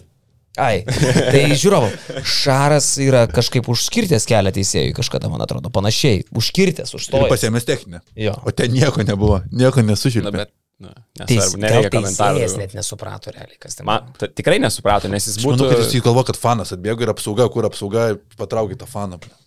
Nes ir dar prieš tai buvo keli epizodai, kai Kole buvo labai nepatenkintas teisėjų sprendimais ir ten skiričiojasi prie tos šoninės linijos, keliojo rankas ir taip toliau ir panašiai. Ir tada, kad bėgant teisėjų taip netyčia pasimtų vatai, važinai, ir vos ten tai padarytų, nu, tai tik, Seni. tikrai nebuvo netyčia. O klausykit, o kas, šiaip tai čia nejuokinga, kas yra kolė pakiams? Jūs E. matėte, bliamba, čia, čia tikrai nejuokinga. Jo. Nusijokiau tiesiog todėl, kad labai off topikas, bet realiai. Jūs matėt mėlynus pakius. Visiškai, absoliučiai. Nuovargis. Žiaurinis. Stresas, nemiga. Tarp kitko, kokie treneriai susirenka į atkrintamasias, tai irgi Vinsanas Kolė 13 metų su Prancūzija, Europos čempionas, Serkijos Kariola 3 kartus Europos čempionas, Serbų, Pesičius. Uh, vienintelis treneris laimėjęs Eurobasketą su dviem skirtingom rinktinėm - su Vokietija 93 ir su Jugoslavija vėliau. Nėra kito tokio trenerio, kuris būtų Okay, nežinau. laimėjęs su dviem rinktinėm. Kazis Maksvitis, jaunimo rinktinės e, ryškiausias visų laikų Europos treneris, sakyčiau, taip nėra kito tokio, kuris su viena komanda būtų šešis metus dominavęs. Laimėjęs penkis aukso medalius, viską laimėjęs. E, Graikas Itūdis, e, septynis kartų Eurolygos čempionas, jeigu skaičiuosim asistento darbą, ne? Nu, tipo, Mm. kokie, kokie treneriumbai renkasi. Kroatai, Damiras Mulomerovičius, nu man asmeniškai čia yra tas, kai jis paokė žaidė prieš rytą playoffuose Europ, Europos tauriai, dar kai laimėjo. Nu, Jis sakė, koks, koks kažioras buvo, toks sentimentas Mulomerovičiui yra. Taip, bet jis sakai labiau kaip, va, kaip krepšininko jo nuopelnai, nes kaip treneris tai tikrai šitą lentyną. Dar pam, Dar pamiršai. Regina. Reik, Regina. yeah. Du kartų Eurolygos čempionas, tau pasiparodyti, kad tris kartų Eurolygos čempionas vieną atimė. O ka, kuriam turi daugiau sentimento? Ainarui Bagatskijui, nes Šalgiris, ar Damirui Mulomerovičiui, nes šiaip e, toks Bagatskis. jaunystė. Man Bagatskis e, prisimenamas yra pirmiausia dėl to, kad aš pati pradžia, kada aš krepšinį labai gerai jau pradedu atsiminti ir viena pirmųjų atakų tik persiklų sezono vidury į Žalgerį, perimtas kamuolys, man atrodo, Kauno sporto halė, sienos Montepaski ir Bagatskis greita ataka, vienas prieš krepšį sustoja prie tritaškio linijos, trys taškai. Šitas Jis yra man žaidė įstrigęs. šio laikinį krepšinį before it was cool. Jisai įmesdavo, mesdavo tritaškį užtikrinčiau negu iš pakrepšio laisvas, tai čia yra kosmosas. man. Bet atsimenu, su Novo Mesto Kirka 24, kai lošė išvykoje, dar Būdzinauskas amžinatelis gyvas Kirkui lošė. Blemba Bagatskis pro šalį mėtė. Nervino mane labai. Jis nebuvo labai stabilus sniperis, užknisdavo jis mane iš tikrųjų. Senas buvo jau. ko- Buvo senas, Senas. prasme, kai jis nedirbo. E, Tuose snaiperių konkursuose tai ten droždavo jo fana. Eurolygoje taip, ne, Prieš Makabį 2 man ten visi prast, prastai. užkniso realiai. Nafik, Ai, Mulomerovičius. Mulomerovičius. Man- Ima Mulomerovičius. Man nei vienas kitas tai. Tau 27. Jo, bet aš iš Vilnius tai. A, Tau Robert Kai Stelmacher. su buvo- Mulomerovičius prieš rytą ir lošė. Nu, prieš rytą. Bet tu ne O, o Bagatskis, ne, nu, tai kai buvau mažas, buvau ryto fanas didžiausias. Ai, tai tau Eurocapo laikai ir, ir taip toliau. Nu jo. Gerai, toliau žiūrim. Galvojau, išvengsiu šito. tai- ne, Nepaminėjau. ne, nebeteskim. Nu, įdomiausias ketvirtfinalis - Serbija, Prancūzija. Įdomiausias? Įdomiausias. Serbija, Prancūzija. su vokiečiai su graikais. Serbija, Prancūzija, man į- jo, čia, Gigantų. ble. gigantų gigantai.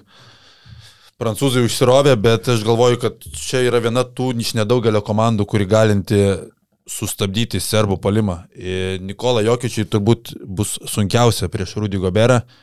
Tas prancūzų fiziškumas kiekvienoje pozicijoje, jie gal ir netrodo labai gražus jų žaidimas, atrodo klampus palimas, Evanas Farnė nesumeta savo metimų, bet tokiuose rungtynėse jie turi labai daug ginklų, tiek palime serbų gynyba nėra kažkokia jau elitinė, jie laimi palimu ir jiems užpulti prieš prancūzus gali būti sunku. Aš tik, aš vėl, e, atsiprašau, įsitrepsiu Augustą, aš vėl pagalvojau, nu, prancūzų kelelis tai eina šikti. Turkai, dabar dar Jo. serbai ir tada turbūt, nu neturbūt, jeigu išeini dar į pusfinalį, slovenai. Man tai geriausiai Iki finalo turi nugalėti va tokius. Tokią grupę turėjai ir tokius toliau. Durniai, nu. Šiaip tas skirtumas tarp keturių komandų, kur yra kelias Turkija, Prancūzija, Serbija, Italija ir tada pasižiūri į virš jų esantį Sloveniją, Belgiją, Ukrainą ir Lenkiją. Nu, nu jokios, jokios logikos. čia juokiasi. Jo, tai aš... uh, ką prognozuojam? Aš prognozuoju serbus irgi, bet uh, Lekšas labai gerą pointą padarė, kad prancūzai turi gerą gynybą ir prieš e, potencialiai kokius graikus pastatyti, prieš Janį ir prieš Jokičių. Ir ne tik prieš, uh, ne tik prieš Nikolą, bet ir prieš Micičių. Tai pastatys Terry Tarpį, kuris yra turbūt uh, atradimas šito čempionato. Sakyk- Nu, Višniauskas taip. tarpėjai padarė dar tokią reklamą, turbūt, kad uh, pas mus jis dabar čia populiariausias prancūzų krepšininkas. Ar jis tikrai tiek geras, kiek Višniauskas įsimylėjęs yra? Jisai, nu, Kas fantastiškai žaidžia šitam Prie čempionate. Micičiaus Jo, tu galvoji pastatysi terį tarpėjų ir kaž, kažkaip Ne. pristabdysi. Tu, aš ne, tu, tu jo nesus, nesustabdysi tikrai, bet jisai, ir, jisai turi ūgį, dengtis prie smyčičių, turi labai ilgas rankas, yra gan kibus, gan greitas. Ir a, tai, kaip jisai dengiasi ir kiek jisai deflectionų per, padaro per, per kiekvienas rungtynės, nu, yra kažkas tokio. Tai žaidėjas, kuris Net net... raumenukai pastarpėjų, ne? Mhm. Senelis, senelis lietuvis. Ir Vingspenas jo, kiek ten sakė, 2-6? Ilgas. Virš dviejų metrų, jo. Jo. jo. 2-7 gal kažkas Nu. tokio. Tai e, žaidėjas, kuris net neturėjo būti šitoj rinktinėje, dabar žaidžia 30 minučių ir žaidžia daugiau negu Luvau Kabarotas, kuris NBA, NBA lygoje. Tarp kitko, Žaidžia. Rudy Gobero Vingspenas 2,35 m, didžiausias pasaulyje po Marjanovičiaus. Mhm.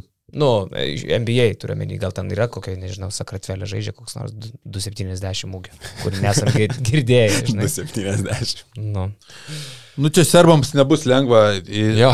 ir žinai, jie dabar prarado Nedavičių, neaišku, kada jisai grįž. Marinkavičiaus situacija irgi neaiški. Išrėtėjų sudėtis praktiškai žaidžia 7-8 Dar žaidėjai. geriau, pats tas playoffams, 7-8 žmonės. Ir aš vis tiek sakau, kad serbai eis į pusfinalį, aš matau juos kaip laiminčius visą čempionatą, bet čia bus tas mačas, kuris man bus įdomiausias ketvirtfinalio. Šiaip tai aš prieš čempionatą sakiau, kad prancūzai laimės auksą, bet e, kai jų toksai kelelis, nu jie net jeigu ir pateks, netyčia pateks į, į pusfinalį, kur laukia slovenai, nu jie bus išvaistę tiek jėgų, kur slovenai su vėjeliu nuputė Belgą, nuputė Ukrainą, parūkė ir tada eina žaisti su, su stipriu varžovu. O čia e, prancūzai reikės, gal net ir su turkais reikės vargti. Tada su serbais vargti. Mm, Nematau prancūzų niekaip einant į finalą, bet dar daugiau pasakysiu, nu, man serbai iškritus Nedovičiu atrodo dar pavojingesni, nes kai lieka mažiau opcijų, kitą kartą yra dar geriau. Jie ir taip turi pakankamai talento tiek gynėjų, tiek pulėjų grandyje. Ir e, aš galvoju, kad serbai laimės tas rungtynės gal net dvi ženklių skirtumų. Aš ir nematau čia šiaip daug šansų prancūzams. Neįtikina manęs jų. Neįtikina, Žaidimas. banguojantis tas krepšinis toks yra ir nežinau. Tai visi sakom serbai. Jo, Turim pusfinalius. Serbas prieš Sloveną ir lietuvis su, mano nuomonė, Graikija. Graikas. Tu sakai, Tai čia jau išsiskyrė mūsų nuomonės, jo, aš, aš sakau, kad Lietuva Vokietija, revanšas ir... Bet čia žinok, čia nėra, kad aš iš populizmo tą sakau, šiaip dažniausiai tą sakau, aš netgi mėgstu prieš eiti, kad būtų įdomiau, kad ne už savus, bet Mm. aš tikrai galvoju, kad lietuviams taip nuskils, kad mes pateksime į finalą. Kad vokiečiai ten bus, vokiečiai išvaistys daug jėgų su graikais, o mes antrą kartą paimsim uh, vokiečius. Vokiečiai žais dėl mūsų sidabro. Aš nematau lietuvio laiminčio prieš Graiką. Matau Graikus finale. Matau lietuvius nupūtus irgi. Vokietiją. Graikai. Pas mane. Graikai finale, graikai finale. Jo. Ok. Slovenas Serbas. Pakartojimas 2017 metų finalo, tuomet Nikola Jokičiaus nebuvo finale, Dončičius buvo penkiais metais jaunesnis, Goranas Dragičius penkiais metais dabar yra vyresnis. Ką Micičius prognozuojat? Du taškus rinkdavo tam čempionatui. Ja, daug pasikeitimų, daug serbai laiko už tą finalą nuoskaudų. Aš prognozuoju serbą finalę, matau didelės polimo varžytuvės, galbūt abi komandos net ir po šimtą taškų virš rinks, bet matau čia serbą, nes manau, kad Nikola Jokičius yra geriausias turnyro žaidėjas. Šiaip turi daug raumens, serbai pristabdyti Luka Dončičių, beje, panašiai, sakyčiau, ir prancūzai turėtų. Matėm Apie tuos 47 vinkspenus ir matėm. turėjo, turėjo raumenų. jo, jo, tai, tai sakykime, tai teoriškai, ne, tai kai tu leidai taip įsisiautėt pirmam kelniui, kai jūs ten sumetėt 21 tašką, tai jau tu rūkyk, rūkyk laukose. tau Dar be taubiai laimėjo. Jo. Žinai, turėjo, turėjo, kad kažkada Luka pataikytos trajekus. Nes jisai ten buvo 16 ar 20 procentų iki tų rungtynių metę. Tai nu, negalėjo nepataikyti tų savo Ne, stebekų. nu, man atrodo, Jokičius taubiai ką išdalinės. Tai... Nu, bus aukščiausio lygio pusfinalis, bet kuriu atveju Slovenija, Serbija, bet aš galvoju, kad čia yra visiški slovenų laikai ir e, Svietislavas Pesičius, man atrodo, yra e, per senas, e, per senas kažką šio laikiniam krepšiniui nuveikti. Man nesižiūri Svietislavas Pesičius laimintis Eurolygą, tai Eurobasketą su tokia geležinė rankelė tokių metų. Aš manau, kad čia Slovenijos era, Slovenijos laikai, Luka Dončičius magija yra. O Sekuličius tai jau čia strategų Ja, strategas. tai čia tiesiog nereikia trenerio, čia yra Dončičius prieš, Bet ir serbai. prieš senį. Turi Micičių ir, ir Jokičių, du trenerius aikštėje. Kas turi? Nu, nereikia ir peščiaus, du, du, du treneriai aikšteliai, Misičius ir Jokičius, jie sprendžia, ką daryti. Nu, pažiūrėsim. Aš manau, kad Luka Dončičiaus talento yra Per akis. trim komandom. Ir e, tu ten džiaugiesi Jokičium, aš girdžiu, kad... Aš irgi džiaugiuosi Jokičium, bet aš dažnai girdžiu, kad Jokičius ten geresnis žaidėjas už Luka Dončičių. Tai va čia mes ir pamatysim. Pamatysim, Serbai. sermai. Slovenai. Tai tu sakai, finalas bus toks, kokį mes sakom, bus dėl trečios vietos. Taip, taip Mhm. ir gaunasi. Mes sakom Lietuva, Slovenija dėl trečios. Aš sakau Vokietija. Vokietija. Serbija dėl trečios. Gerai, tai kas sakai, treti lieka. E, nu tai jau treti lieka serbai. Tiesiog labai stipri komanda. Vokiečiai. Vokiečiai norės tos trečios vietos, gal net labiau, nes serbai ko gero bus nusivylę labai savo pasirodymu. Su slovenais truks nedaug, bet pritruks. Bet vis dėlto serbai, serbai paims vokiečius. Mano prognozija, kad trečias lietuvis, ant Vis, remačas, viską tą patį. Viską tą patį lėkščiau. remačas su slovenais, galvoju, kad turėtų būti neblogos išvados padarytos po pirmo mačo. Matėme, kad lietuviai ten buvo arti pergalės, tačiau tos paskutinės penkios minutės su dviem aukštais nepasiteisino. Manau, kad čia gali būti tas paimas išvadų. Ir kitas dalykas, lietuviai kovos norės iškovoti tą bronzą, o slovenams pralaimėjimas pusfinaliai yra nusivylimas. Jie bet kokiu atveju čia su Dragičiaus sugrįžimu atvažiavo kovoti tik dėl aukso.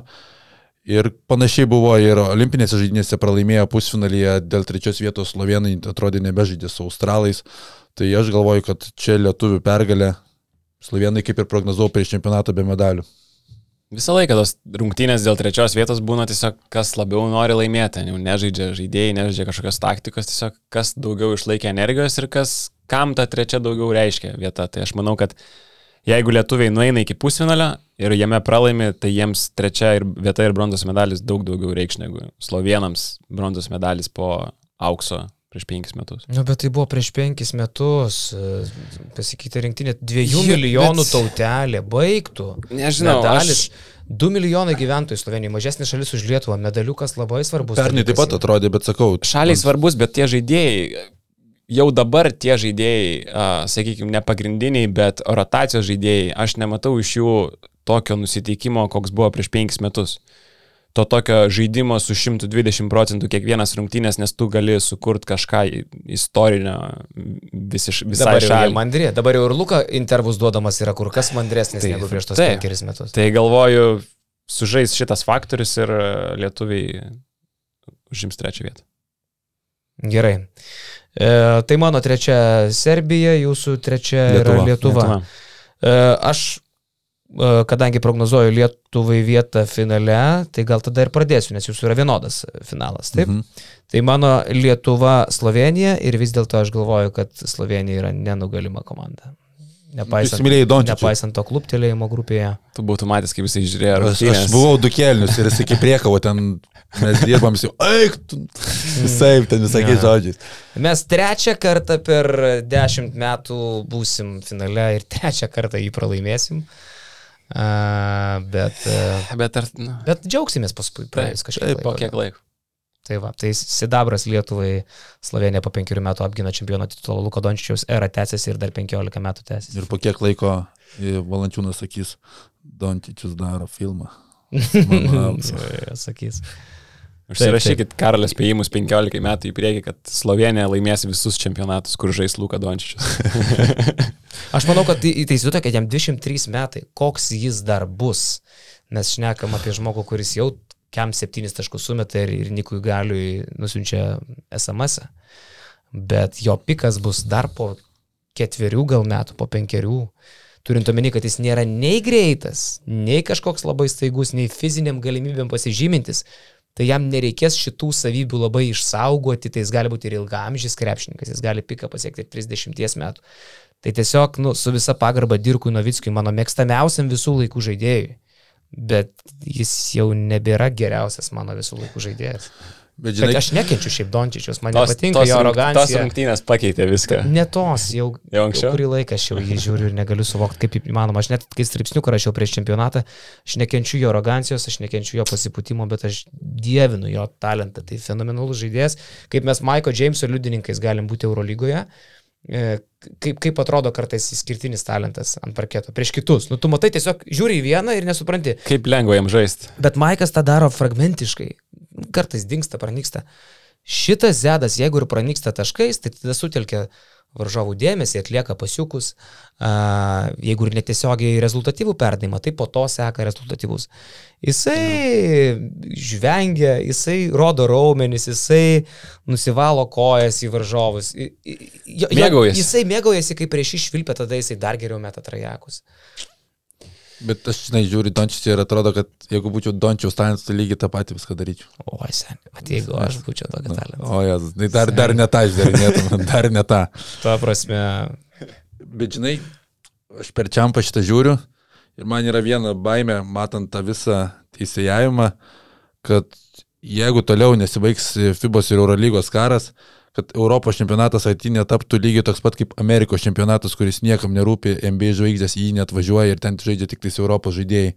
Šitą turi problemos sutvarkyti, dabar mes matome neįtikėtiną talentą, bet tie žaidėjai neverti yra tokio tipo prasto teisėjavimo. Ne, ne, tai čia akivaizdu, čia turės jau kažkas spręsti ir turbūt federacijos turės vienytis, nes, nu jau dabar tikrai kenkia krepšiniui labai akivaizdžiai. Jau žinai, kur anksčiau būdavo pikta, tai dabar jau liūdna. Nu, realiai liūdna. Aš tai net nebepykstu, man tiesiog liūdna, nes nugadina vaizdą, žiauriai. Bet jeigu kole būtų normaliai prismaugęs tą, tai gal iš karto jau būtų į kitas susitaikė. Eurolygos su FIBA būtų Eurolygos teisėjai atvažiavę. Seniai, bet čia kaip mokyklinėse, tuose pradėjau smaugti teisėjus. Konkrečiai. Mūsų finalas. Serbas, Graikas. Serbas. Serbas ir mano, aš manau, kad Nikola Jokičius, sakiau, man nemėgau Jokičius, galvojau, kad kažkiek gal ir tam FIBOS krepšinėje neveiks jo tas talentas ir magija, bet kai tu žiūri Jokičių, tu matai, kad jisai realiai NBA rinkoje nu, yra neįdomus žaidėjas, ir nėra, kad kažkokius darytų šau elementus, nežaidžia didelėje rinkoje, bet du kartus iš eilės sugeba tapti NBA MVP. Tas visas šalia backgroundas dažnai būna svarbus žurnalistams, kad kurti istorijas, bet jie vis tiek renka Nikolą Jokičių ir tu supranti, kodėl jį renka būtent šitam čempionate, kai jeigu mažiau stebė NBA krepšinį. Nikola Jokičius yra fenomenalus žaidėjas, nuo pirmos iki penktos pozicijos daro geriausiai, gali sužaisti nugarą, gali sužaisti priekiu, gali per visą aikštę praeiti, paduoti perdavimą per nugarą. Aš įsimylėjau Nikolą Jokičių prieš šitą čempionatą. Man teko pabuvoti Belgrade, kai žaidė Janis prieš Jokičių. Ir galvojau, ar bus dar šią vasarą toks, tokios rungtynės, tokio lygio, ką jie ten padarė šau, nes ten abu du vienas prieš kitą dengia, 20 minučių rungtynių laiko, Janis 40 įmetė, Jokičius 30 ir pasižymėjo fantastiškais metimais nuo vienos kojos, ten tas metimas kurį Denverį visi vadina Somber Shuffle me- metimu, tą nuo vienos kojos dešinę krentant, krentant jautą. Tai uh, nežinau, uh, man serbai labai patinka kaip komanda, aišku, jie žaidė tokiai sil- silpnoj, sakyčiau, grupiai, bet Jokičius tiesiog yra kaip kompiuteris aikšteliai.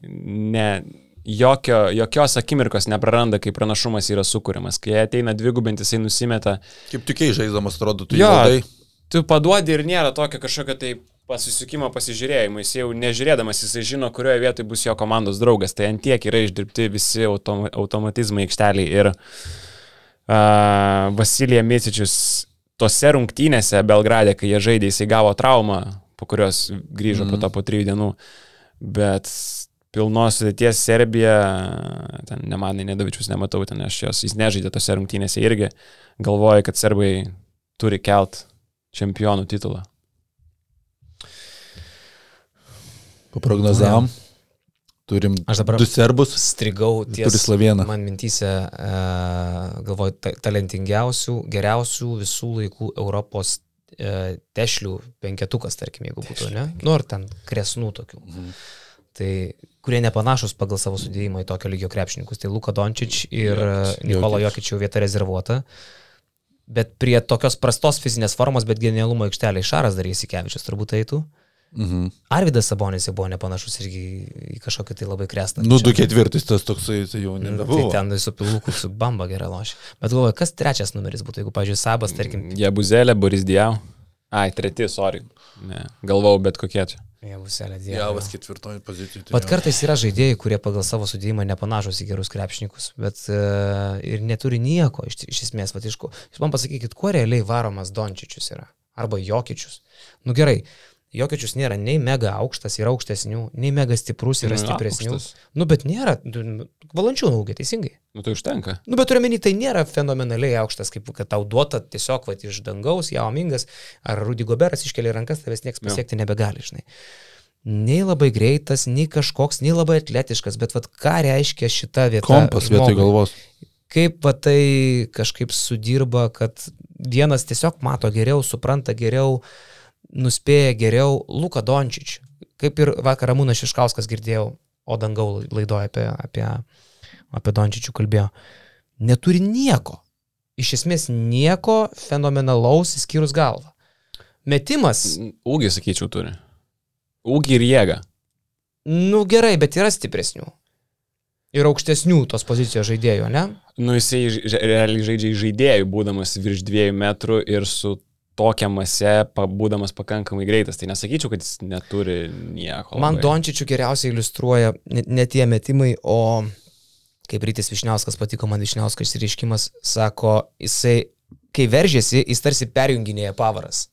Jo. E, greičiau, lėčiau, toks, žinai, kaip mašinai tave tampo, tai va jisai taip važiuoja į baudos aikštelę, žinai, kaip Mikriukas 23 iš Domeikavos veždavo iš Ilainių, žinai, va taip, laiką važiuoja, tai jis taip Čia, veržėsi. čia nuo to kalno? Ar kur čia? Jo, jo, jo, jo. Okay. Tai jis taip veržėsi po kažę. O ką Jokičius turi magiško, tai yra jo. Nu, Jisai, jisai susimeta ant kažkokius nesąmoningus metimus visiškai. Atsimuša į tave ir pataiko tokį metimą iš kažkokių 3 metrų. Ir pa, pa, pažiūrėkit, nu, jisai tokius susimeta metimus 80 procentų, kur bet koks kitas žaidėjas jis pramestų ten į lanką vos pataikytų. Tai tas yra, nu, man, man iš jo, be jo perdavimų, antras dalykas, kuris labiausiai krenta į akis. Čia apie Dončičių ar Jokičių? Apie Jokičių, Apie apie Jokičių. Jokičių, jo. Jokičius. Tie tokie visi metimai iš, iš arti, kur, nu, tu klausi savęs, kaip, kaip jis čia dabar pataikė. Ką magiško turėjo tavo žmogus mitas Janis Bambis, Janis Bambis turėjo 180 kg problemų. Bet tapo krepšininku. Profesionaliu. Dabar, man atrodo, teisininku. O. Jeigu neklystu. Bet turbūt, kad klystu. Tiesiog mačiau su kostiumu į Rimtas buvo. Google vaizduose ir panašu buvo į teisininką. Jo, tai ką, paspėliojom. Šiandien kaip tik Basket News 7 bet spėlionė išeina irgi, bus galima savo medį sudėlioti, kaip mes čia sudėliojame. Taip, e, Mindaugas Lukauskis, Vitenis Lipkevičius ir turbūt, kad brolis Lavrinovičius paprognozuos. Ir tarp kitko, gerai, nieko nesakysiu, bus įdomiau žmonėms pasižiūrėti. Bet... e, Dar kažkas bus ar? Ne, ne, norėjau sakyti, kad su mumis Nustebins ar gerai. sutapo ar nesutapo, bet nesakysiu nieko, bus A, įdomiau jo, pasižiūrėti jo. patiems. Mhm. Jo, o po, o po čempionato dar susėsim jau po visų kelionių ir apžvelgsim mūsų teiginius, kuriuos mes su Jonu Miklovu, Jonu Lekšu tada susidėliojom, nes e, jau kai kas yra įvykę, kai kas dar įvyks tik tai, tai va tada ir pažiūrėsim, kas čia buvo teisiausias. Jo, tai ką, tave išleidžiam į Berliną, Važiuoju į Berliną, pasiekti. palaikyti Lietuvos. Taip, ačiū. Pažiūrėsim, ar sėkmę atnešė Karolį. Na, įsiturka Paskutinį palaikyti. kartą Lietuvos rinktinės rungtynėse turnyre išvykai buvau 2013 Slovenijoje į finalą važiavau. A. Cool, cool, cool, cool, cool. Legendinė kelionė su autobusiuku. Ir legendinės rungtynės. nu, Tai va, tai viskas palinkėkim vieni kitiems ramybės. ramybės. Ramybės. Tai palauk, tai podcastas baigėsi, tu nei palaikinai, nei pasubscribinai, nei dar gal net ir BN plus narys nesi. Nu, būkit žmonės.